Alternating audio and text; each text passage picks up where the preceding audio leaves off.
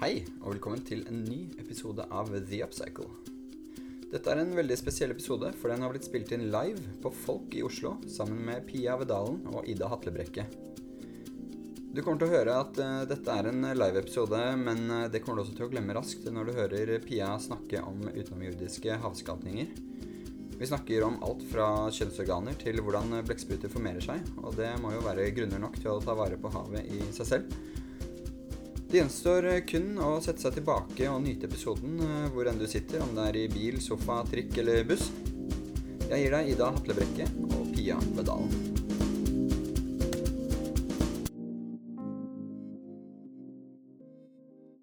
Alright, tenkte bare skulle begynne først med å si bakgrunnen for podkasten og ja, kongstanken, som man kaller det. Og det er ikke min kongstanke, det er David Attenborough som har sagt. Og det han sier, er at uh, jeg ser ingen fremtid i å være pessimistisk. For det gir meg grunn til å si faen heller. Hvorfor skal jeg bry meg? Jeg tror den veien ligger katastrofe. Jeg ser veldig ofte gode prosjekter i min feed, i om det er Facebook eller om det er Instagram. Hvor som helst. Og jeg husker første gang jeg begynte å tenke på den podkasten, det var da jeg så en, et sånt prosjekt, og jeg tenkte bare fader, så bra det her er. Det redder jo verden litt. Og så tenkte jeg altså, men faen så dumt, det er jo veldig få som antageligvis hører om dette her, fordi jeg er litt over middels interessert.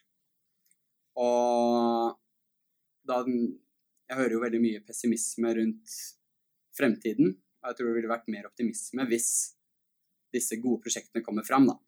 Og det er jo litt det du driver med også. Du sa jo tidligere at uh, du er til for å bekjempe apati ved folk.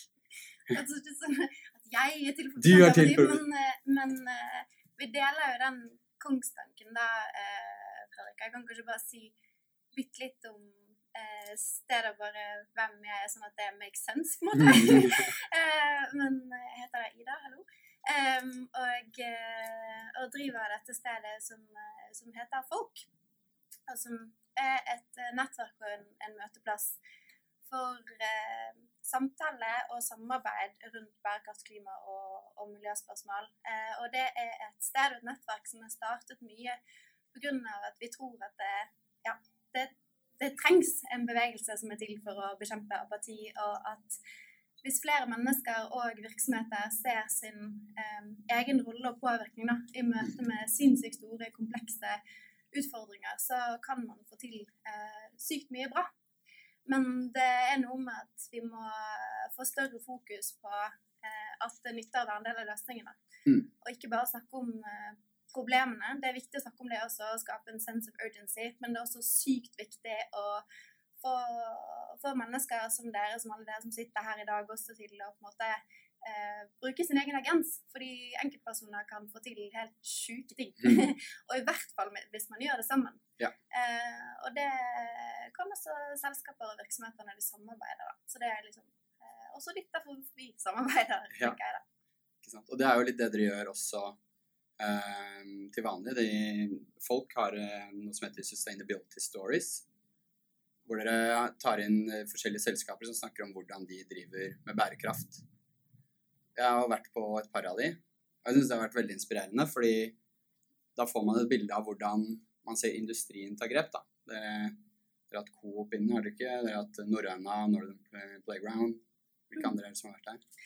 Uh, Total Control, har vært en uh, norsk gjenvinning. Um, ja, Ganske mange glemt. forskjellige industrier. men det er mange forskjellige bransjer og industrier. Og det er et, uh, et initiativ som vi startet fordi vi mener det er helt nødvendig med med flere konkrete eksempler på hvordan man jobber med strategisk bærekraft. Mm. Og ikke bare som et fragmentert initiativ på siden eh, og som et veldedighetsprosjekt, men, men, noe som gjenspeiler seg i hele verdikjeden, og som gjennomsyrer det også organisasjonen og forretningsmodellen. Da.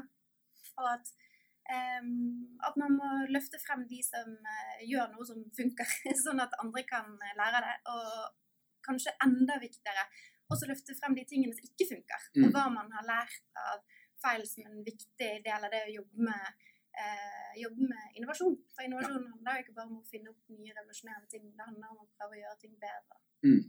Så, så, det er konkret erfaringsdeling med et fora for det. Vi tar inn et, en stor aktør, som f.eks. Coop, eh, og kombinerer det med en litt mindre aktør, som f.eks. Total Control, da, som er en app for å bekjempe matsvinn. Eh, sånn at man kan gi ulike perspektiver på, på samme problemstilling, av bransjeutfordring. Har det kommet noen samarbeid ut av disse Eh, ikke helt ennå. Jeg håper at det vil manifesteres etter hvert, men det har vært sykt mye gode diskusjoner. Ja. Eh, det er nesten det som er mest interessant etter disse sustainability storiesene og innleggene. på en måte, eh, Samtaler og diskusjoner som skjer i etterkant.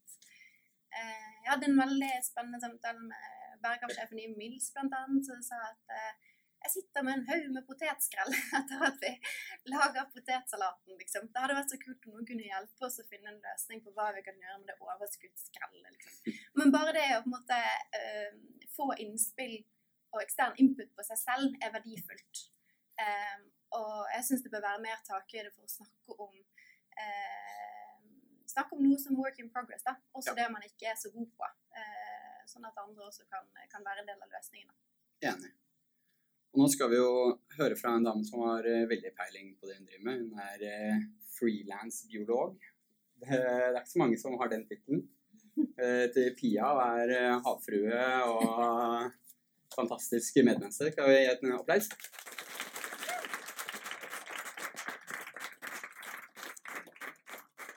Takk for det. All right. Skål. Pia, jeg har jo hørt deg snakke om eh, bærekraft, jeg har hørt deg snakke om havet, og vi skal jo snakke litt om havet i dag. Det, denne podkasten handler om bærekraft fra mange perspektiver. Om det er fra næringslivet, eller om det er fra ildsjeler. Og jeg tror kanskje du går under ildsjel, men også under eh, hva skal jeg si, eh, forskning eller under fagpersonell, kan man si det? Preking? Hvor vi, har, har, du en kategori? Jeg setter jo veldig pris på at du sier at jeg har en sjel. Da. Det har du ikke alle som mener. Men eh, nei, jeg er vel på plapperefronten. Eh, plapperefronten. Ja, ja. Vitenskapsformidler tror jeg kanskje det er mest. Så jobber du også med Passion for Ocean, som er en festival som nå ikke bare er i Oslo, men Bergen og Trondheim også. Så hvis dere ikke har noen verdens ting å finne på på lørdag, så er dere hjertelig velkommen til å komme ned på Viptangen mellom tolv og litt senere. Du må snakke i mikrofonen. Ja. Den veien. Ja. um, vi har laga en festival som uh, handler egentlig bare mest om å formidle hvor utrolig fett havet er, og hvorfor folk skal ha lyst til å ta vare på det. Vi mener det er litt sånn etter de famøse ordene til Jacques Cousteau, at man tar vare på det man er glad i. Og det er jo bare så langt man kommer med pisken. Det er jo, Hvis vi ser på ryddetallene fra i år kontra i fjor, så var det over 100 000 stykk som var ute og rydda søppel i strandryddeuka i fjor. I år var det 60 000. Og det har jo ikke blitt noe mindre bevissthet og noe mindre mas om det greiene her. Men i fjor så var NRK helt De gikk jo apeshit. Ja, det var du med på. Det var litt din skyld. Nei. var ikke du på Planet Plast? Jo, det var Simen sin feil. Okay. Jeg sa egentlig nei. Så sa Pia du kan én ting her i verden, og det er å snakke. Gå og bli med på det tullet der. Altså, ja, ja. Okay. Det, det, var altså et TV-program som heter Planet Plast, som gikk på NRK. Ja, Men det var jo ikke bare det som var. altså NRK pumpa jo ut strandrydding i alle kanaler. Eh, det var sånn absolutt Uansett hvor du snudde på hodet, så klarte du på en måte ikke å bevege deg uten å skalle bort en eller annen sak om marin forsøpling og hvor du, hvorfor du måtte gå ut og plukke søppel. Eh, det gjorde de ikke i år. Og det mm. ser vi jo. Der er det 40 000 mennesker som ikke hadde den indre motivasjonen til å fortsette å gå ut og ha lyst til å jobbe med ting. Så der er egentlig vi prøver å fylle det lille hullet med hvorfor, da. Mellom alle problemene og alle løsningene så mangler vi litt den der hvorfor vi skal gjøre som vi gjør. Hva er grunnen din til å gå ut der for å pelle den søpla, eller ikke handle klær fra Wish? Ok, Men hva, hva er grunnen din? Hvorfor Autisme? bryr du deg? Nei, Autisme? du, jeg veit ikke. Jeg, bare, jeg tror kanskje at det er fordi jeg ikke trives så godt på land. Så jeg syns jo på en måte at mitt uh, rette element uh, Det er veldig tørt her, ja. Ja, akkurat nå kommer jo havet mhm. ned fra feil side. Mm. Men eh, så, sånn, det er kanskje derfor jeg liker det så godt. Det blir jo veldig klønete på land. Snubler rundt her og krasjer i folk og sånn. Mens i mm. havet så er jo det litt mer God demping i tareskogen. Det er veldig god demping i tareskogen. Slipper ja. å forholde meg til folk. Slipper å svare på spørsmål om bærekraft. Ja det er ikke så greit. Så sikkert veldig mye der nede som er veldig rart, så man føler seg kanskje ikke så rar selv. Men, ikke det, men jeg bare kjenner ikke Jeg mener at du er dritrar. Men jeg syns det er fint å være rar. Jeg føler meg litt sånn av og til at det er et rart dyr som måtte famle rundt. Ja. Det er jo det. Der er du ikke så rar, liksom. Der er du, eller en del av alt det er rare. mer, ja, der er du bare en sånn bit av et stor LSD-tripp. Det er Ja. eh, Så bra. veldig kult. Men det er jo noe av det jeg syns er morsomst med å være med deg, er jo å høre om alle de rare dyrene. Jeg liker å kalle det Pokémons of the Sea, fordi det er det det er. Det er liksom dyr med forskjellige rare egenskaper som, som du bare ikke kan tenke deg, da. Det Um, det er jo Pokémon, det. det er jo, du vinner jo en hvilken som helst argumentasjon ved å plukke opp en flyndre og kaste i trynet på noe, liksom. Så det er jo alt der nede. Eller hvis du har en mantis shrimp og får den til å skyte en boble av gårde. Herregud. Jeg bodde på Hawaii et halvt år, og da hadde vi akvarier inne på laben på universitetet. Og der Vi kunne ikke ha mantis shrimp der, fordi de ødela alle akvariene uansett hvor tjukk plast du putter på dem. De Kanskje du kan fortelle oss alle hva er en mantis shrimp, og hva kan mantis shrimp gjøre? Veldig ledet spørsmål. Ja. Har alle her hørt om knelere? Spør jeg radiointernettet. som kan svare. En kneler er jo en sånn litt stor, forvokst eh, gresshoppe, om man kan kalle det det. Og den heter jo, heter jo mantis. Og i havet så har vi noe som ligner, bare at den ser ut som en kneler kobla på en eller annen psykedelisk klovn. Den har så mye rare farger, og den kan se en trilliard egne farger. Eller Den kan se flere farger enn det vi kan. 16, tror jeg den kan se. Vi kan se tre. vi kan se, prøv på en måte hvis, Prøv å se for dere en farge som dere ikke allerede kan se. Og så rekke opp hånden hvem som klarer det. Ah, ok, da er det noen som er kreative her, men som ja.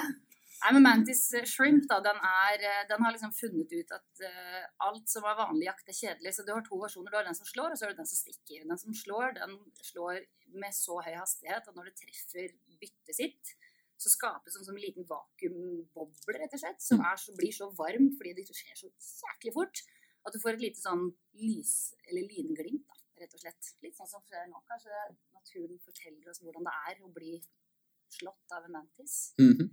Og den andre som stikker, den har et sånn ninjasverd som man bare pokker borti der. Det går så fort at du, du rekker jo ikke blunke før det er over. Og det er jo da Hvorfor var det ikke de som vant og ble det mest intelligente vesenet, egentlig? De høres jo ut som de har utviklet seg best. ja, Ikke over ennå. Just you wait. Det er jo veldig, er veldig Man tar skyen på at altså, Det kunne du lagd en hel egen episode om intelligens, da. Men uh, det som er så spennende med oss mennesker, er at vi er så jævlig dumme. Selv om vi tror vi er fryktelig smarte. Vi har jo en sånn tanke om at uh, hvis et dyr har så stor hjerne, så er det så smart. Og så dyreriket tenkt sånn Nei. Den har altså, insekter og edderkopper og krepsdyr, sånn som mantisshrimp, er alle er i familie. De har jo valgt å bare fordele hjernen sin utover hele kroppen. Så de har én hjerne kobla til hvert bein, f.eks. Insektene har jo kobla til vingene sine, kanskje det sitter noen i antennene. Blekkspruten har jo hjernen bare absolutt overalt. Maur er jo på en måte hele tunhjernen, Ikke kanskje. sant? Er det noen her som har spilt Starcraft? Det er jo hive mind. Det.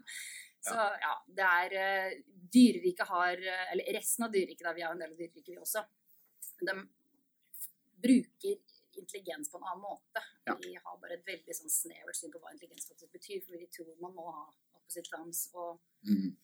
snakke med bokstav. Har vi noe flere? Jeg, jeg har hørt om en Nei. annen Pokémon fra deg. Ja. Rur. Det, det, er, det er litt fordi jeg er barnslig, men eh, Er det det med den veldig på en måte Ja. invasive penisen som kommer ut? Ja! ja, det er det der. La oss gå dit. Skal vi gå dit? Ja, vi jeg går føler dit. liksom at det har gått inflasjon i rur. Jeg er på samme måte som det har gått inflasjon i bærekraft. For jeg har snakka så mye om det. Ja, jeg vet det, men det er noen ting jo. Men er det, Ja. fordi, er det fordi Rur har på en måte én hjerne der, eller? Nei, ruren den har hjernen sin litt overalt, den. er det noen her som ikke vet hva ok, For de som ikke vet hva en rur er, så er rur da den her artige lille saken som bor under skroget på båten din, eller på svaberget, som gjør at eh, noen syns det er vondt å tråkke på den, eller tryne på den med tryneansiktet først. Eh, Det har jeg testa. Det er helt OK, eh, men jeg syns det er veldig praktisk å bruke den til å gå opp. De er små, hvite, vulkanforma ting. Og det er også et krepsdyr. Så hvor hjernen den sitter, det vet vi ikke helt. Kanskje litt overalt. Det som er så spennende med rur, bortsett fra alt, det er jo da at verdens mest kjente rurforskere kjenner dere sikkert. Ja, ja. Altså, lærer dere ikke noen ting på skolen, liksom. Charles Darwin kjenner sikkert de fleste. Han brukte åtte år av livet sitt på å forske på rur. Fordi rur er jævlig kult. Selv om det kanskje ikke ser sånn ut ved første øyekast. Og en av tingene som er spennende med rur, er jo at det har verdens sterkeste lim. Det er jo litt vanskelig å pille bort denne ruren, det vet jeg, blant annet, som har båt, og den båten tiltrekker seg rur, selv om jeg forpester havet med båndstoff. Ehm, den har også verdens lengste penis, sammenlignet med kroppsstørrelse. Nice.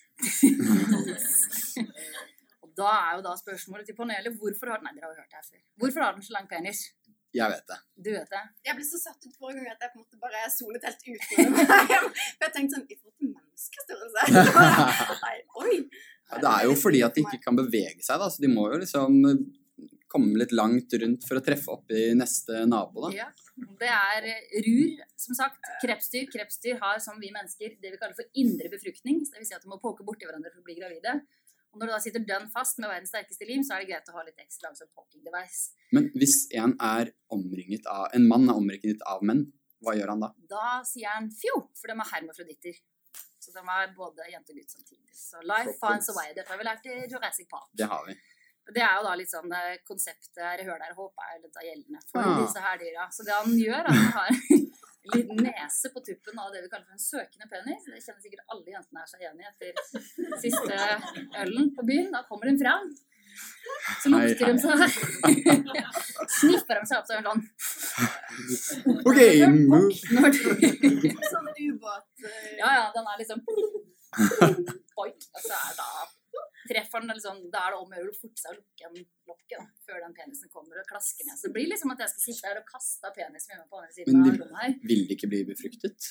Det er jo veldig energikrevende å bære fram egg, da. Så man vil jo heller befrukte enn å bli befrukta. De sitter jo bare der.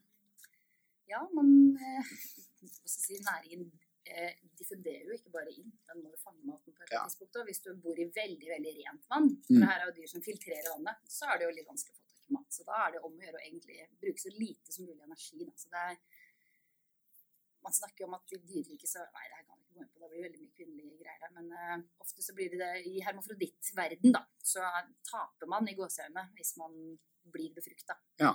Med mindre man kan spise den som befru- befrukter, da. Det, Det går jo også an. Men Det det er jo ikke hos hermafrodittene. Der har vi Ja. seksuell dimorfisme, som det heter på fagspråket. ja, riktig. Eller legspråket. Mm. Så det blir litt glassaktig, ja. Hva, hva betyr det?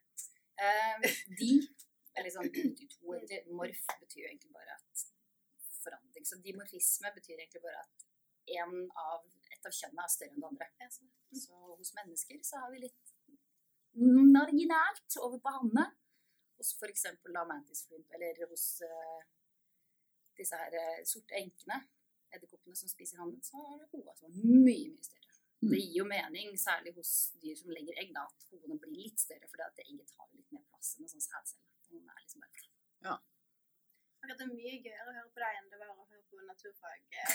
på en måte. Det er mye mer sånn billedlig eh, for morsom eh, forklaring med spennende paralleller til eh, norsk uteliv. Ja.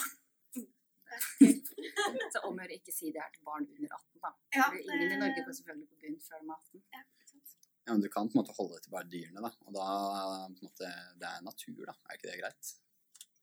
Jeg vet ikke på hvilken verden vi går på vei inn i nå, men jeg tenker vi stopper der. Ja, vi kuler den. Um, eh, Nei, nei.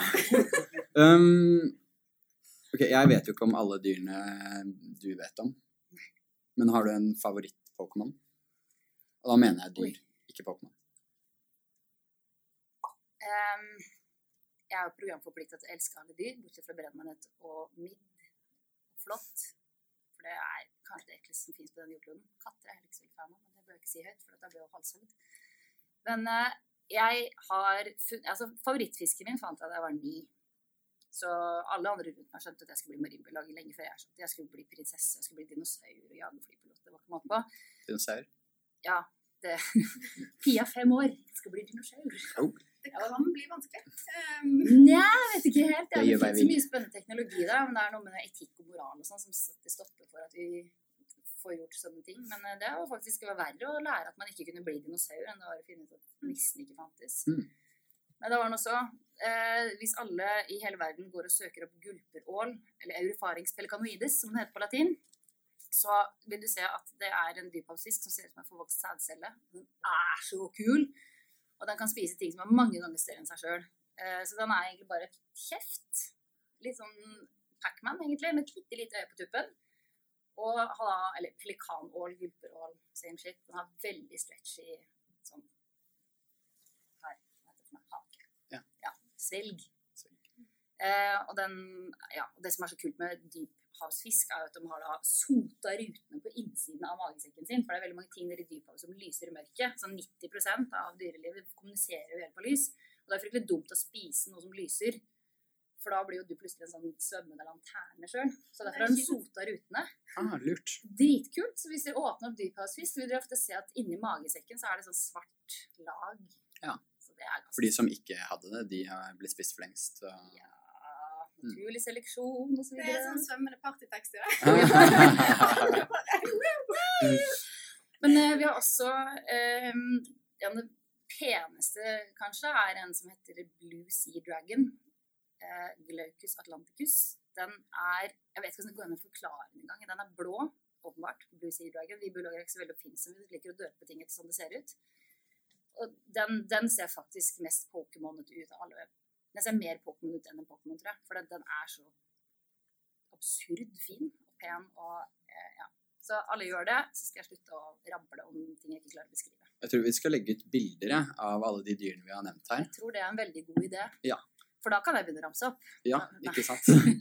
Og, eh, kun på da The Upcycles eh, Instagram. Oh, yes. Masse nye følgere. Oh, yes, det er blir slideshow med rare dyr. Så har vi noe som heter sifonoforer. og Det er en type brennmanet som har gått på steroider og bare bestemt seg for å gjøre ting som jeg ikke forstår overhodet. Der har du ett en liten larve kan bli til fem, seks, syv forskjellige dyr som jobber sammen som en organisme. Mm. Så det er litt sånn um, Men eh, det er da portugisiske krigsskip er en sifonofor. Og hvis du går på søker opp sifonofor, f.eks. eller stunning sifonofor, så vil dere se masse klipp av helt sånne sjuke ting som finnes der i dyphavet. Det ser ut som sånne, noen er sånne svømmende fjærboer, og det er liksom ting som ser ut som et sprekt egg. Og ja, det er så mye tråder og, og kuler og rare klokker og ting Ja. Det er mye rart der nede. man kan bli sjøsjuk av mindre. Ja. ja. Nei, for meg. Men blekksprut er det kuleste, da. Jeg, Jeg skal deg om det. Jeg skal lære deg om det etterpå. Å, ja. Jeg håper ikke du kan så mye om blekksprut. Bortsett fra at det er favorittdyret mitt i hele verden. Jeg har blitt utfordret til å lære pianoet. Så har jeg valgt det som er favorittdyret hennes. Konge. Yes. Ja, jeg ga deg jo to utfordringer da. Det ene var jo ikke bruke ordet bærekraft gjennom hele sendingen. Det, den er, er bomma. Ja. Ja. Det er defaultet også. Samme det. Det er jo liksom Det, er det, det får vi ta neste gang. vi må finne opp et nytt ord sammen som, som ikke, ikke har gått inflasjon. For det er derfor du ikke er så glad i det året, fordi det har gått inflasjon i ordet. Det betyr ikke noe lenger. Altså, definisjonen av bærekraft på Det betyr the ability to endure. mulig, eller egenskapen til å overleve. Og jeg syns egentlig det er en veldig fin definisjon. Eller det er en av definisjonene. Det er jo 1000 millioner. Og spesielt for selskaper syns jeg det er fint. For næringslivet. For det, hvis, et, det er et selskap som har mulighet til å overleve in the long term, på lang sikt, som det er på norsk, eh, så betyr jo det at du klarer å forvalte ressurser riktig, at du klarer å operere på en måte som gjør at du kan fortsette å operere. Der tror jeg f.eks. du har noen bedrifter, f.eks. olje, det tar jo slutt. Så det er jo da per den definisjonen ikke bærekraftig. Nå ja, kommer litt an på hvilket tidsperspektiv. Da. Hvis Ja. du ser all plasten som havner på havets bunn, hvis den får lov til å ligge der litt, så er det en fornybar ressurs, det. Ja, det er sant det. Kan ikke? Ja, er ikke det veldig fint at vi har liksom pumpet den oljen opp, og så nå slipper hun tilbake ned Jo, igjen? så egentlig så må jo burde noen takke oss for å kaste all dritten ned på havet. Ja. Det er i hvert fall det jeg sier til meg selv da, når jeg gråter meg selv hver natt. Mm. Fordi stakkars pelikan og gulp. Nei. Nå skal ikke jeg hoppe inn i din programlederrolle, men jeg er nysgjerrig på de kule dyrene du snakket om. Har vi mistet noen av de kule? Geirfuglen har vi mista, dodon har vi mista. Det var vel, det er vel elleve delfiner som er blitt borte. I Kina. Ja, og så er det liksom, har liksom kommet tilbake nå, da, for vi mista den, så fant vi den igjen. Det er jo veldig kjekt. Eh, så det er, vi har mista en del, og så har vi funnet en del, men det, vi har nok mista flere enn vi altså, Vi har nok mista flere arter eh, enn vi noensinne kommer til å oppdage, da. Så det er nok en del arter som forsvinner før vi i det hele tatt klarer å finne dem. Mm. For spesielt havet er jo gedigent. Og det er jo en ting som ikke snakkes så mye om, er jo kanskje Vi snakker mye om miljø og bærekraft, men ikke så mye om artsmangfold og tap av det. Nei. det er jo litt sånn trist, egentlig. da, Det er et annet ord som har gått litt til inflasjon, i hvert fall i forvaltningsøyemed. Det er økosystembaserte tilnærming på fiskeriforvaltning. Så Jeg har blitt litt sånn glassaktig igjen. Men eh, ordet økosystem burde det nesten gå mer inflasjon i. For et økosystem er jo egentlig bare samspillet mellom artene. Men det kan også være samspill. Jeg- ser liksom på kroppen min også som et lite økosystem. Det er Samspillet samspillet mellom alt. ikke sant? Eh, og her, vi mennesker, vi har endt opp med å gå fra en del av det store hele til en kjempeparasitt som bare tar for seg og jakter ting ned. Altså, det var jo en dueart, om ikke jeg husker feil, borti USA som var så artsrik at de mente på at det tok tre dager før hele flokken hadde fordelt seg. Den har vi klart til å jakte helt fullstendig til etter extinction på norsk? Utryddelse. Ja. Det er jo helt eh, fascinerende, og så vet vi jo ikke hva det gjør med dette her økosystemet, da. Nei. Eh, men eh, ja, nei, altså det er så sammensatt, da, og det er det som er litt utfordrende. Du tar ut en drikke, så Jeg synes det er kjempefint. Lilleplass naturhus. Alle burde gå dit ute på Fornebu. Har sånn kjempejenga jenka, jenga, jenga dansen, Jenga-spillet. Jenga, ja. Ja, jenga. Jenga. Samme det. Ja, ja, ja, jeg sier feil hver gang. Ja. Noen sånne svære brikker, og så har de limt på et lite bilde av en eller annen art fra Mhm. norskekysten. Ja, så bygger du det økosystemet ditt opp, så plukker du ut en og en art. Helt til du plukker ut det du kaller nøkkelart, og så sier det, så kollapser det. Og du vet ikke helt hvilken art som egentlig er nøkkelarten før du tar den bort. Så litt sånn holder vi på her i menneskeheten, om man kan. Så vi leker oss litt med det. Ja, vi gjør det. Ja. Vi gjengar oss gjennom hele økosystemet, og så opp sann, sier den. Så Nå skal jo den duen, den skal jo tas tilbake. Den, den skal jo nå eh, liksom eh, genmodifiseres eh, tilbake til å bli en sånn kanskje litt skummel mutantdue due fra fortiden. Men det Så pøses vi skal klone den, de skal, faktisk. ja, de skal liksom bringe tilbake den her duen, da. Jeg husker ikke hva den het, men den heter et eller annet Det var også de, en av de tingene jeg hadde tenkt å lære Pia, men så, så spurte jeg henne, og så kunne hun det fra før. Men uh, Vi alle har sett Jurassic Park, ikke sant? Det er en dokumentarserie om akkurat det her. ja, den feteste dokumentarserien jeg har sett. Hvor lurt det er. Og de, planen til noen forskere, jeg tror ikke det er liksom allmenn godkjent, men uh, var jo da å klone Hva var det det var for noe? Uh, mammuter. For å da plassere de ut på tundraen i Sibir. For å få tilbake det naturlige økosystemet som har vært der. eh, og få tilbake tundraen, da. Stemmer det? Det tror jeg kan stemme, i hvert fall ut fra det jeg har Nå gadd jeg ikke fordype meg for dypt i det fordi du visste om det, men uh, Jeg sa jo bare at det ringte en liten, vag, svak bjelle. mm, Så det kan da har jeg lært deg det likevel. Du har nok det. Nice. Jeg synes i hvert fall veldig kult prosjekt. Sånn, eh, hvis jeg kunne sett på det som på en måte en, eh, en Bystander. Ja. Eh, det er det det heter. Eh, og bare fulgt med gjennom kulissene og se hvordan er det dette her fungerer. Kanskje man kunne hatt det som et eksperiment inni en eh, liten glasskule. Så skulle jeg gjerne sett det. Men Du eh, kan få lov til å stå her mens de kommer og Marsjerer. innover, eh, nedover stolen. fra Russland Ja. med uniformer. Altså, jeg kan ikke se noen svakheter med den planen. Nei. whatsoever. Herregud, hva har noensinne gått gærent med at vi har kødda litt med naturen? Mm. Du sendte meg en melding før i dag da jeg sa at jeg sto i kø? Nei, det var før det. Um, og det handlet om at du, du hadde litt lyst til å snakke om Oslofjorden. Ja! Herregud, Oslofjorden suger jo. Å ja? Ja. Ja, jeg jeg, jeg synes alltid synes den er så bra. Nei, den er helt jævlig. Unnskyld, å banne, jeg. Er fra Østfold, så jeg har lov. Det ligger i kulturarven Ja, min å banne. Eh, hvor mange her er det som dykker eller fridykker eller bare har tatt på seg noen briller og hoppa ut i sjøen og sett under overflaten? Bra. Er det per Et par hender her. Ja, ja det sa hun til internettradioen.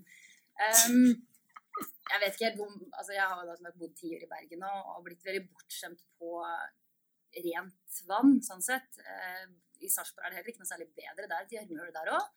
For vi har kyst Sarpsborg, uh, bare at der kommer Glomma fra ene siden, og så kommer Iddefjorden fra andre siden, og så pakker den liksom inn hele fjordarmen vår som ligger bak Hvaleren, da, i en sånn deilig mudderklem. Og det skjer jo her i Oslo, også, særlig indre Oslofjord. Bare i Oslo alene så kommer det ti elver ut i fjorden. I Bærum er det fem, og så husker jeg ikke hvor mange det er på de andre. Men er det noe dumt, det, da? Ikke i utgangspunktet, men så tilsett menneske, så blir det litt tull. Fordi vi syns jo f.eks. ikke myr er så stas, for det er så mye negg. Og så har vi heller lyst til å bruke den torva til forskjellige ting som ikke har noen funksjon på. F.eks. putte den i jord, som vi skal bruke til plantene våre, eller ta på taket. Kanskje litt funksjon der, da. Multer, da. Ja, nettopp. Multen, men multene liker seg jo mye som er glad. Ja, Det Eh, beste bæret, og det dyreste bæret. Ikke sant? Er cloudberries på engelsk. Det ser så fint. Men myra er altså fjordens beste venn, eller i hvert fall fjordsystemenes beste venn. For myra er en helt sinnssykt god flomstopper. Og den renser jo massivt med vann. Eh, når jeg er på tur og går ut i fjellet, jeg er også litt sånn eh, fjellgeit, så, så fyller jo jeg vannflasken på nedsiden av myra heller enn på oppsiden, for da vet du at du har gått igjennom Gratis den her sånn. Ja, det er helt fan- fantastisk. Gjør det det virkelig? -hmm. Har ikke det vannet ligget der i tusen år? Og det kan ligge masse steinaldermennesker inni myra. Har det Jo, men da må vi gå til gått forråtnelsesprosessen. Det er så anoxisk inni der. Det er ikke noe særlig nedbrytende. hørt sånne historier om uh, folk de har funnet inni myra. og har ikke lyst til å Er ikke det bare ålreit, da? Ekstra samme det. proteiner oppi drinken din og sånn. Det er det bra. Det er bra, bra for huden. Hvis du sånn. sier det er greit, så. Ja, ja, og jeg sitter på fasit, åpenbart. Ja. Jeg prøver ikke på noen ting. jeg sier. Ja, men uh, våtmarksområdet vårt er kjempeviktig, ikke bare for å filtrere vannet, men også fordi det er eh, stoppe, å si stoppestasjon, lunsjpausestasjon for veldig mange trekkfugler. Og det er en ting som heller ikke snakker så mye om at Norge har jo en av verdens aller største fuglebestander. 20 millioner sjøfugl hekker opp i Barentshavet hvert eneste år. Og langs norskekysten så har vi noen av de aller artsrikeste, det fant jeg på et nytt ord, eh, og tallrike fuglefjella. Og har du sett en fugl før? Ja. Har du sett en fugl? Nei. Hva er det som definerer en fugl, mer eller mindre? Vinger av gjær, eller? Ja. Vingene bruker den til å fly. Så de fuglene vi har, de er jo ikke våre. Og det er noe vi kanskje ikke tenker så mye på, at vi har et kjempeansvar for å ta vare på verdens fugleliv også. Og de fuglene trenger å ha lunsjpauser akkurat som vi gjør. Tissepauser og det som er. Kanskje ikke fugler tisser mens de flyr. Men våtmarksområdene er i hvert fall kjempefine områder for sånne type ting. Det er også selvfølgelig for mange andre arter som er der permanent, mer eller mindre. Så det er kjemperike områder. Det er eh, viktig for sunne, trivelige, hyggelige bekker. Eh, Lager karbon. ikke minst masse karbonlagring. Eh, det, men vi syns jo ikke myr er kjekt, for det er, det er slapsete å gå i, og så er det litt vanskelig å Har du sittet fast i en myr før, eller? Ja. Ja, det er ikke særlig. Jeg ruller ut i myra hver gang jeg. Mer eller mindre med vilje. Går ikke på tur, du på en måte. Jeg det. jeg finner det åpneste området på fjellet, altså det ruller jeg rundt og der og synger. Og, jeg vet ikke. Men poenget er i hvert fall at nå, vi bytter jo ut grøntarealene våre med betong og asfalt, og så lurer vi på hvorfor det blir oversvømmelse hvert eneste år. Altså Alnaelva, siste kilometeren av Alnaelva ligger jo i betong. Eh, og vi bytter jo ut da altså, vi har funnet ut at Det er litt lettere å kjøre traktor da, på et firkanta jorde enn et jorde som slynger seg rundt en. Det blir jo litt samme som fordøyelsessystemet vårt. da. Grunnen til at vi har så langt knotrete fordøyelsessystem, er fordi vi skal ta opp masse næring på veien. Eh, så det blir jo litt som at vi klipper bort hele tynntarmen, og så legger vi hele tjukktarmen vår i aluminium. Og så skjønner vi ikke hvorfor vi hele tiden har diaré. Det er liksom, det er jo det som skjer nå. at jo, Norge har diaré konstant, og det renner rett ut i Oslofjorden.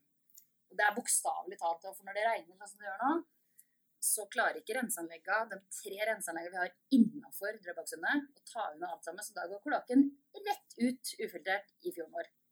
Så det er sånn da du skal ikke bade på Søringa, eksempel. Søringa må du aldri bade på uansett. Nei, det Herregud, du får jo lepra bare å se på det sjøvannet der. Det er Det altså- Det er så ekkelt. Jeg fatter ikke at det er lovlig å slippe folk ut der, men det er nå en annen sak. Nå får jeg sikkert masse kjeft fra Svømmer inn i publikum bare ja. Eh, jeg har aldri badet Timers fastlege. Jeg tenker på da Søringa ligger her, Akerselva kommer ut her, Alnaelva kommer ut her, og rett her nede ligger Bekkelaget renseanlegg. Og hvor ofte blåser det fra nord? Det gjør jo ikke det. Det kommer alltid den her veien.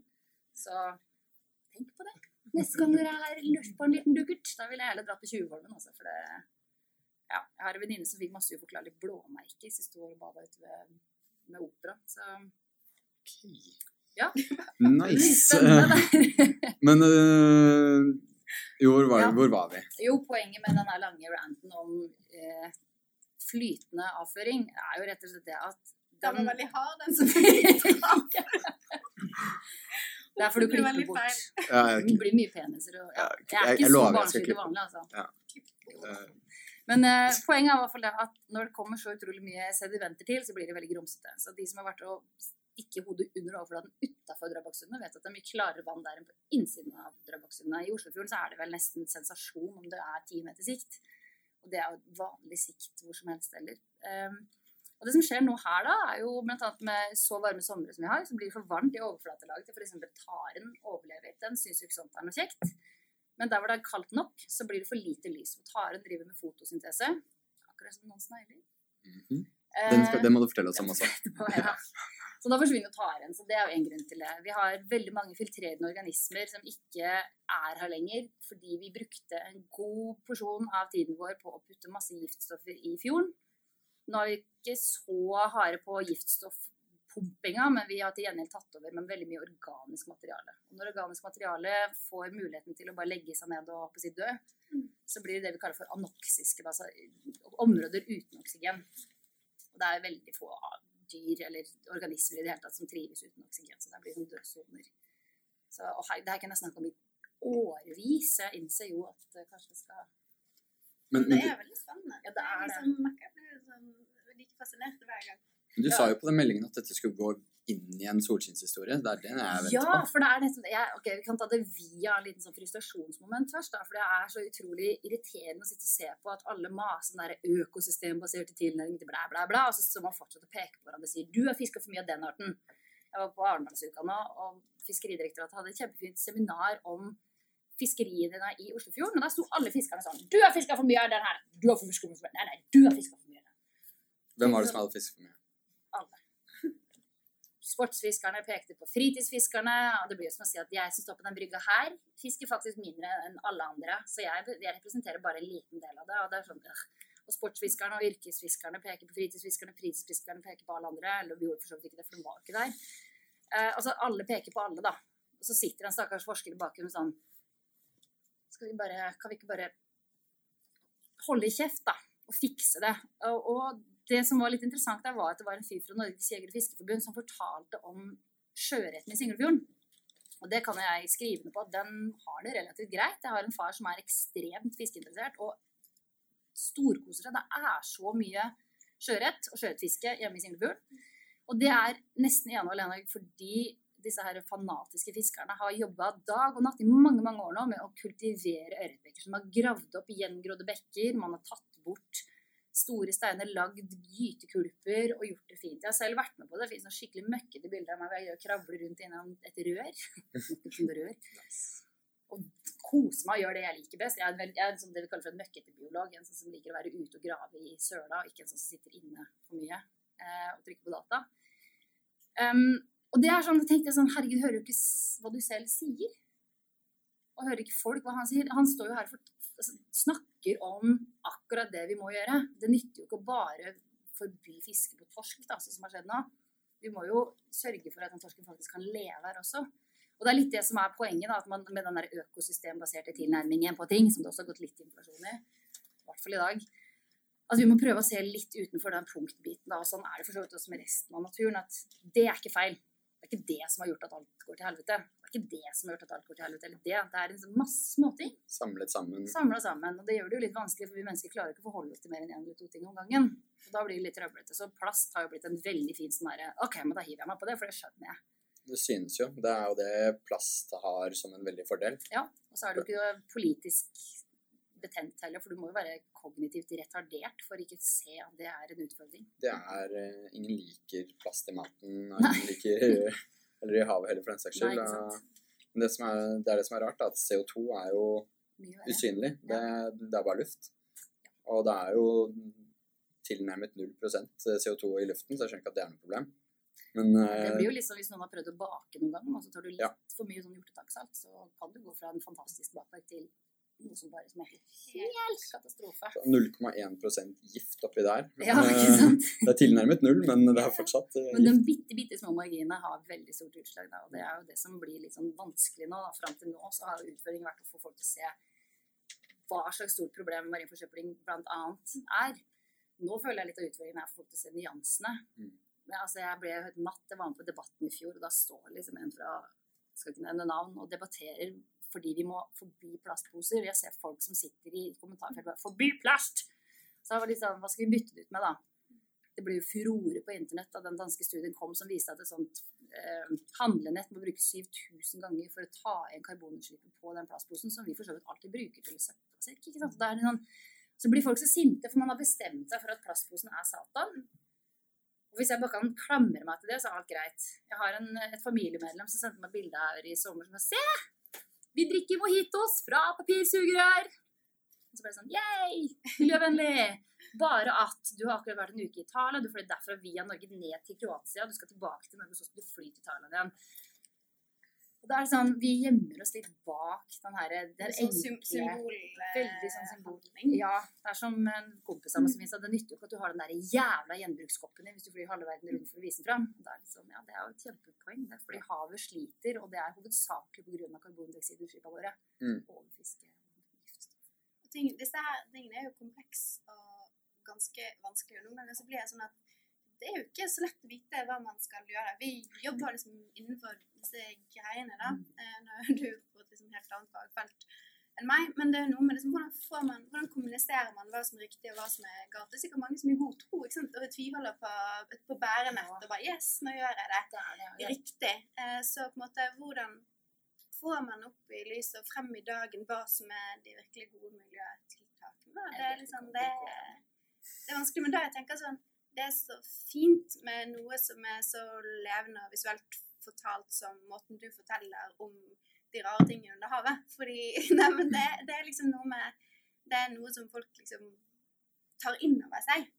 Eh, for det er out of sight, out of mind, men når man levendegjør noe for folk igjen, da, og forteller om den eh, ruen og rare ting med pen... Altså, du hører jo etter når noe kan kaste penisen på andre siden av rommet. Da hører du etter. Men, eh, men det er noe med at liksom virk, man må bruke andre typer virkemidler for å formidle statistikk, tall, forskning, biologisk eh, fagbegrep på en måte folk forstår. da.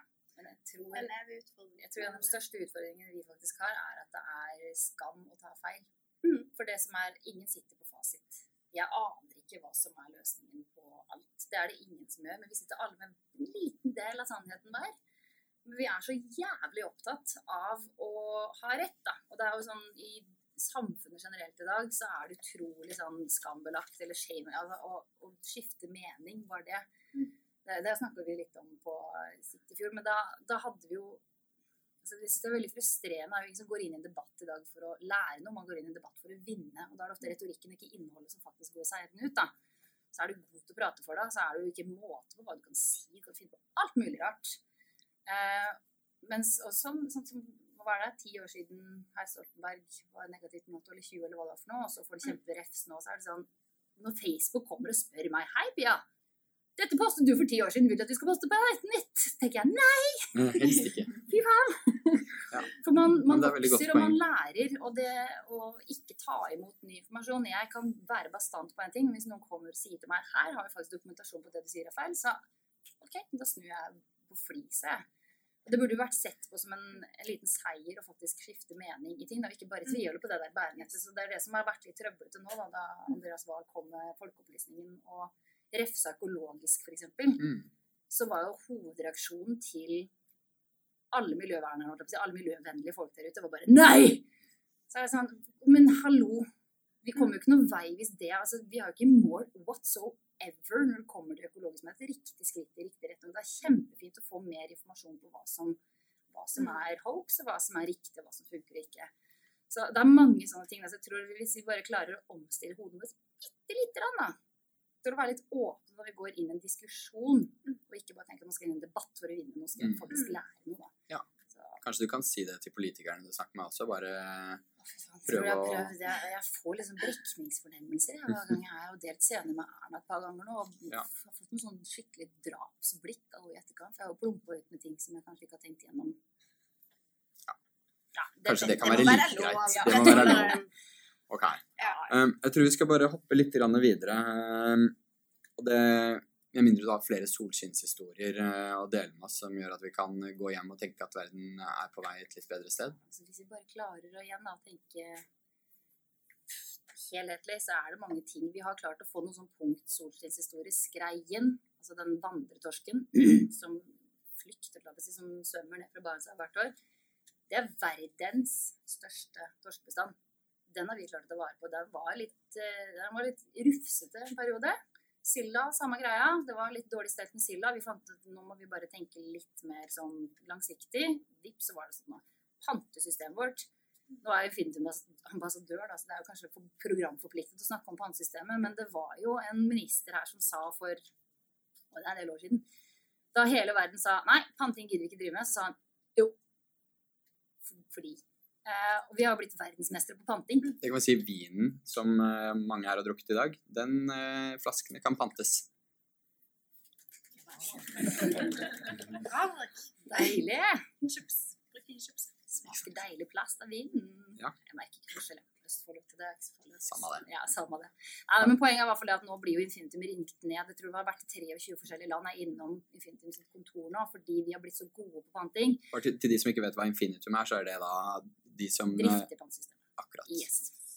Det var, burde kanskje sagt også, da. Men det er litt sånne ting som Solskinnshistoriene kommer i all, all pengene, og, eller alle pengene, ressursene vi putter inn i forskjellige systemer, da, teknologi vi, Det hjelper jo ikke Det monner jo egentlig ikke en dritt på det ene eller andre at du putter i snickerspapir i blå pose, sånn hvis man ser på det sånn.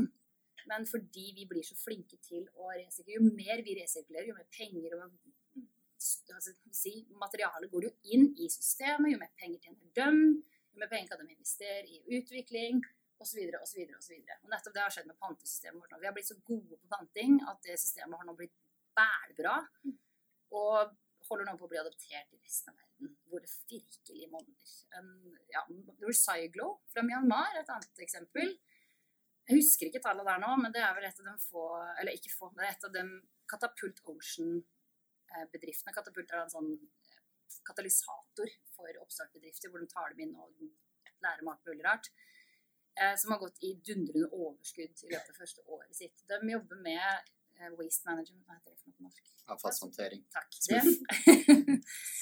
I Myanmar. Han Okka som presenterte her for oss, han viste oss et bilde av en åpen landfylling og sa denne landfyllinga er på størrelse med Oslo kommune i areal. Og de har seks sånne i hovedstaden alene. Så det er et jævlig svært problem der nede. Nå så jeg også at de har tatt over, tatt over Malaysia.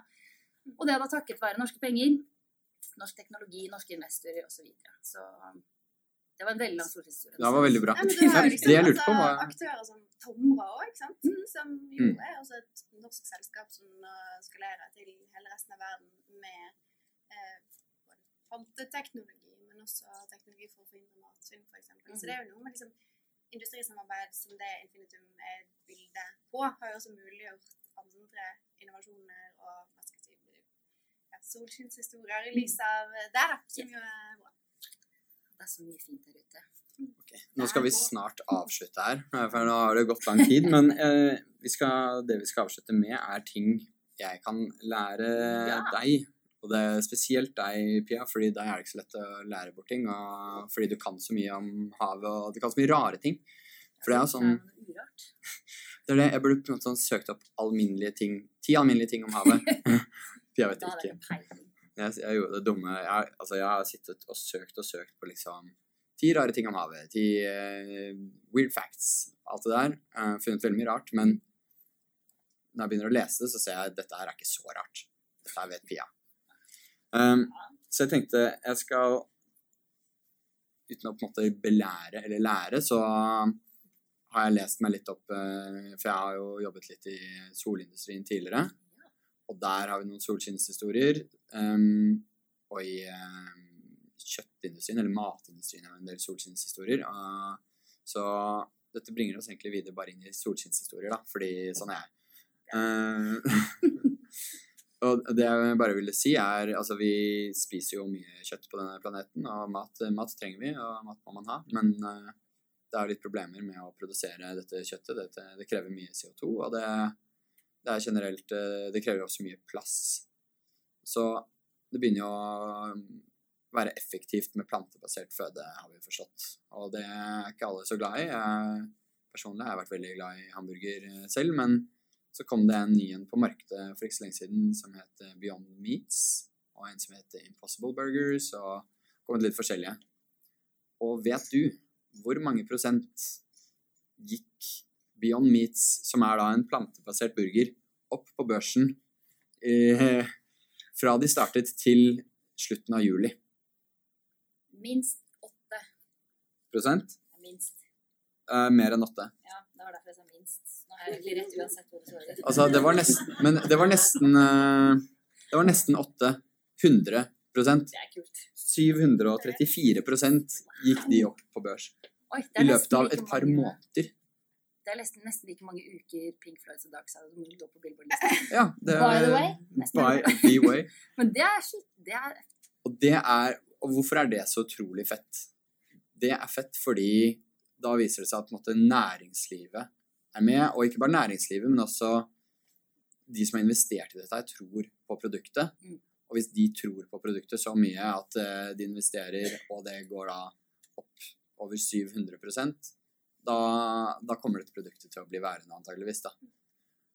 Og, og det syns jeg er en veldig sånn hva skal jeg si, et veldig godt bevis på at noe fungerer. Uh, titte litt på næringslivet. Og samme har vi jo med solceller. Der har vi jo sett en pris som går veldig nedover. Eh, og så har vi sett en kapasitet eller en produktivitet som har gått veldig oppover. Og nå ser vi da land som Saudi-Arabia, Marokko, eh, India. Så begynner plutselig sol å utkonkurrere kull. Og det betyr jo at folk slutter å få lyst til å investere i kull. Det begynner jo å bli dårlig investering å putte pengene inn i kull, som før sikkert var kjempetrygt og fint. Og det begynner å bli trygt og fint å putte pengene i sol. Donald Trump har sagt at kull er fremtiden. Ja, jeg tror han kanskje må endre det, fordi, Det det fordi det, altså, i sol så har du jo masse arbeidsplasser. Og du har eh, i tillegg da en lønnsomhet som går forbi kull, så jeg tror han kommer til å spise hatten sin, jeg. Det er typisk kar som gjør det. Dette med kjøtterstatninger var sånn litt interessant for å skyte inn. Jeg leste en fagartikkel det går. Nå bor jeg på en økologisk gård. Men, men det er noe med liksom, det blir jo også av, løftet, av mange løftet frem som løsningen på mye. Og det kan jo være løsningen på noe. Mm. Men det er jo også ikke nødvendigvis forsket så mye på liksom, effekten av en del av de tilsetningsstoffene i, eh, i kjøtterstatninger. da, Før man bytter ut med, med en del andre ting. Og så er det noe med liksom eh, Hvis man først skal spise kjøtt, eh, spise det riktige kjøttet, Mm. som gjerne har spist det riktige gresset. Ikke sant? Så noe med liksom kunnskap også rundt, rundt det. Hva er, hva er bra kjøtt å spise, hva er ikke bra kjøtt å spise? For alle kommer ikke nødvendigvis til å bli veganere. Nei, Så hva er på en måte Hva er the happy medium for de som ønsker det? Uh, ikke sant? Som ønsker seg en liten, liten hamburger en gang iblant, liksom. Mm. Hva er, hva er det bra? Er det fra liksom, en, en sau som har gått på, på utmarksbeite, som er liksom den bare greien i forhold til utslippsregnskapet? Liksom, ja. Kan jeg få lov til å komme med en anbefaling da? Alle sammen les en bok som heter En hyllest til sauen. Jeg var litt skeptisk, for det står det lille dyret som bygde landet, og det lille dyret som bygde landet økonomisk, det er faktisk torsken. Mm. Men det har vært det lille dyret som bygde landet fysisk. for Da sauen kom til Norge for 6000 år siden, så så den litt annerledes ut enn det han har gjort nå. da. Eh, hjalp bonden å beite ned områder så du fikk litt større flekker å dyrke på. Eh, sauen, villsauen, vel å merke, ikke den der hvite, dumme dustsauen som ikke skjønner opp og ned på en stein og faller ned fra alt mulig og blir spist opp av fluer og sånn. Ehm, den, altså, det er Anna Blikk som har skrevet den. Jeg, ble, jeg var helt reist. Jeg dundra gjennom den på en dag. Det er en liten, veldig kompakt og fin bok. Hun skriver bl.a. at vi importerer 35 000 tonn soya hver måned for å fôre dyra våre med. Istedenfor å da ha en sånn teit sau som kan, kun kan gå ut i to måneder av året fordi han er litt skjør. Han er litt kald.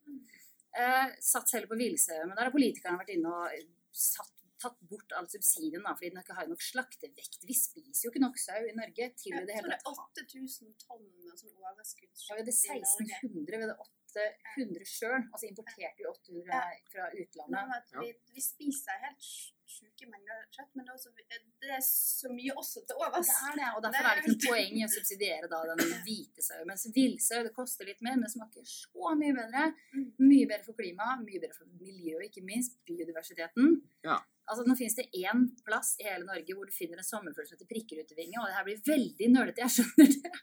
Men det er på Rauver, en øy utenfor Fredrikstad, som tilfeldigvis da er en militæreid øy. På den ene øya der så finner du den her lille prikkerutevingen, fordi den trives kun på et eller annet dust strå som bare finnes der. Og det er fordi sauen har forsvunnet fra utbeiteområdene, da. Så vi har rundt, hva var det å skrive for noe? 800 000 eller en million fòrenheter i Norge, og det inkluderer alt av sånn lyng og dings, ting som vokser der ute.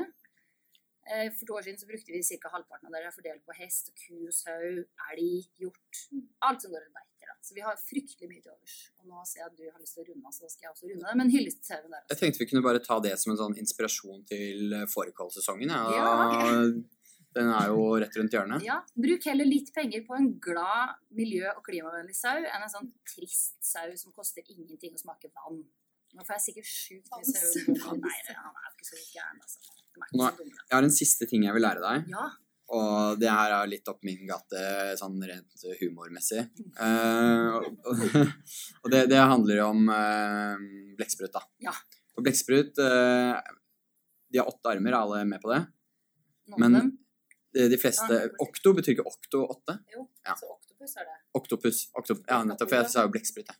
Uh, uansett. Um, men en av de armene på er jo som regel da en penis. Ja. Det er ikke alle som vet. Hos, hos hannene. Kvinnene de har, eh, har ikke penis. Eh, og det som er litt gøy, da, syns jeg, eh, er at for det første, eh, de, er, de liker å spise hannblekksprutene. Ikke sant? Og så hannblekkspruten den kan jo da levere sæd eller sperm fra tuppen av sin arm eller penis, som han stikker inn hvor? Vet, vet hvor? Ja, får jeg lov til å svare? Skal Ja, jeg ja, ja, nei, ja. ikke. Ja, Nei, er fordi jeg tenker de kanskje vet det, kanskje ikke. Ja, nei, den, ah, han henter jo den oppi sin egen kappe. Ja. Så de tar jo fisting til et helt nytt nivå, for det Ja. sucker punch jo rett i kjeften. Ja. For sånn, her kommer jeg, det vil du ikke. Me too, me too, me too. Ja. Nå kan også plassere den liksom plassert eh, fint inni kappen på hodet. Ja, fordi det er inn i nesa han stikker den, har jeg lært. Ja, den har jo ikke så mye nese. Munn, Eller, nå nesa, skal vi se, jeg skrev ned hva det heter, det ordet. sifon. Um, nei um, Tentakel, som også er en penis. Uh, um, veldig gøy. uh, eight tentacles, one is penis. Um, Mens du leter etter det, så skal jeg fortelle om den andre. Det finnes noen av dem som også kapper av armen sin og bare kaster den på hodet for han stikker. Og det er å veldig, og det er veldig gøy. Det det liksom det, det, det kommer, det, det må ikke dere si. Det er spoiler alert. oh, ja, sorry. Han, han stikker den inn i the mantle. Ja, det er kappen. Det er kappen, ok. Ja. Og det sto også da at det er da et sted som brukes til å puste med, Mhm. og til å skille ut uh, avfallsstoffer. Ja. Så det er jo på en måte nesa i, Det er det. Det er helt rett. Naturfagslæreren. etter min bok. Eh, åpning. Ja, det kan man på mange måter si. Og så, siden mannen da har blitt så redd for å bli spist, så har da noen av mennene utviklet veldig lange sånne penisarmer for å holde seg litt sånn langt unna, så blir den ikke spist. Kjempesmart taktikk, det. Mens noen har utviklet seg så smart at de bare slipper penisen. Den, vær så god, den er din. Nå kan du kose deg med den, du. Så stikker jeg her bort og ikke blir spist. Kjempegøy. og dette visste du fra før av. Nei. Nei? Nice. Men det var jo den kast, var ikke det kastelemmen? Kastelemmen? Ja, kast, kastet av. Ja, ja, ja, riktig. Ja. Jo, så visste jo det, da. Du skjønner hva jeg sier, det for jeg er bergenser. Jeg vet det. Det her digresjon, men videreføring det det fins en del børstemark. Jeg er veldig glad i børstemark. Jeg visste du kom til å snakke om børstemark. Ja, måtte det. Børstemark er jo havets meitemark, og den har like viktige økosystemtjenester som meitemarken har på land. da. Det finnes massevis av børstemark som når da tiden for å gjøre det vakreste to børstemarkene gjør med hverandre kommer, så gror de ut noen litt ekstra lange kjønnsorganer, og så bare klipper de dem av, og så sier de 'be free', og så svømmer kjønnsorganene av gårde, og så har de seg oppi. Så kan på en måte hovedpersonen gjøre andre ting. Da. Så har de bare sånn flytende orgie der oppe. Som visstnok smaker veldig godt. Ja. Så hvis Altså- dere er, det er noe med noe Det der, jeg har ikke tid til å ligge, det blir på en måte ikke en unnskyldning. Nei, der er tidspressa Bare å dundre på. Ja, ja, kjør på. Ja. Og der har som en teit, kan jeg fortelle om sneglesex også, som er sånn siste Jeg tror det blir det for mye. en form for tematisk episode. Så, Ja, det blir fort det. Kan droppe den der som Ja, eh, Ja, nå, nå har du sagt A, som du si mente B bare at du nesten. skulle fortsette. Ok, det her må alle ta med en sånn trailerlast med salt. For jeg har fått det her fra en snegleforsker, men jeg har, ikke, jeg har valgt å ikke sjekke om det er sant eller ikke, for jeg syns det er så gøy. Eh, Men eh, alle her har sikkert vært ute i strandsonen og sett strandsneglene. De her små, grå, ganske kjedelige sneglene som kryper ut absolutt overalt. Så viser det seg at vi har 27 forskjellige arter strandsnegler. De ser klin like ut. Vi ser ikke forskjell på dem, men de ser ikke forskjell på hverandre heller. Eneste måten å se forskjell på dem er å se på, hvilke, eller se på penisene. Da er vi tilbake til igjen. Det er sånn typisk greie som går igjen i dyreriket. at eh, Du kan se forskjell på artene ved å dissekere ut penisen. Så man snurrer til høyre eller venstre. Noen klapper og spiller kygo når du trykker på den. Det er sykt mye rart der ute. Så sneglene da, det de gjør, er at når en han finner en ho, så kryper han bort, og så spør han, altså lenker han bare fram penisen sånn sånn Vil du do the dirty? Så hvis det er riktig art, så kryper hun bort, og så er det bare å kjøre på. Hvis det er feil art, så kryper hun bort, og så slikker hun litt forsiktig på den penisen. Eller ikke forsiktig heller. Ja, nå ser du at alltid, særlig når jeg tar den her på feltkur, så står alle der med handa sånn, ja. Kan sikkert argumentere for at det er en morsom ting. Men så vet vi det at snegler har det vi kaller for en radula, eller en raspetunge, som har mer eller mindre sånn der riv, osterivjern med seg på tur. Så det blir liksom du skulle tatt drivjern på byen nesten da du skulle ut eh, og bare sånn Kommer den bort? Og så sier du bare sånn Nei! Next level kyskhetsbelte. Ja, det er Ja. veldig effektivt på byen, kan jeg fortelle deg. Bare dra frem osteraspen din og si nei takk. Men du? Skal jeg liksom forklare det. Og med, altså. og med det Jeg tror vi lar det bli siste ord. Ja. Nei, det er greit. Det, vi tar en ny, på en, måte, en ny episode senere som kun har med dette å gjøre. Ja, da må du ha Gunnar Kviste Michaelsen her. Hvis dere møter Gunnar, så må dere gå på forhånd. Gunnar. Ok, det er notert. Gunnar Kvist. Ja. Ja.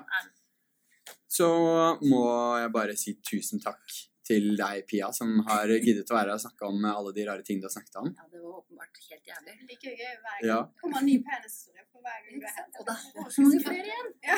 Og Ida, takk eh, til deg. Sykt Jeg har her hver dag, egentlig. Så Ja, jeg vet det. Egentlig så ja. Jeg takket for at jeg fikk være her, egentlig. da. Det er koselig. Vi sitter sånn i stuen, da. Jeg Ja. du har alltid bare vent oss. Ja, det er Jeg liker å skylde på at jeg har lyst til å se ut som Simen, men det er mest fordi det Men er jeg så tenker bare at du sjukt føler deg hjemme da, og det er koselig. Vi skal gå og rulle litt på gulvet. Og takk til alle som har giddet å høre på. Eh, Det har gått én time og fem minutter nå, så får vi se om det går like langt etter at jeg har redigert. Tatt vekk noen eh, Ja, Ja, det er nesten det samme. Ja, ja. Eh, Så det er bare å følge The Upcycle der hvor du har dine sosiale medier, om det er eh, på Facebook eller om det er på Instagram. Eh, Ja. Kan jeg få lov til å skrive reklamere for Passion Frozen igjen? Ja. Lørdag, Vippetangen. Kan du holde krabber, klappe surfere, prøve fridykking. Du kan til og med prøve flaskedykking. Prøve kiting. Kiting. Spa, ja, smake på sjømat. Lære om bærekraftig mote. Som ikke jeg skjønner meg på. Mm. Hvordan du kan snekre dine egne møbler. Hvordan du kan fikse dine møbler. Det er så mye greier som handler om havet. Så kom dit, da. Det blir kanskje litt kleint at du sier det, men grattis, Fredrik! En skål for Fredrik, Ja. for det er lansering.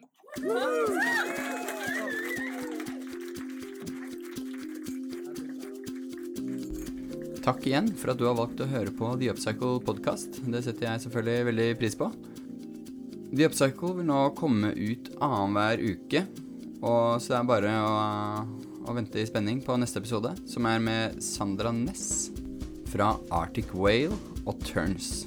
Det blir en eh, kjempefin episode. Jeg håper alle gleder seg, og eh, vi høres. Ikke glem å følge oss på Instagram og på Facebook, The Upcycle Podcast. Takk for nå.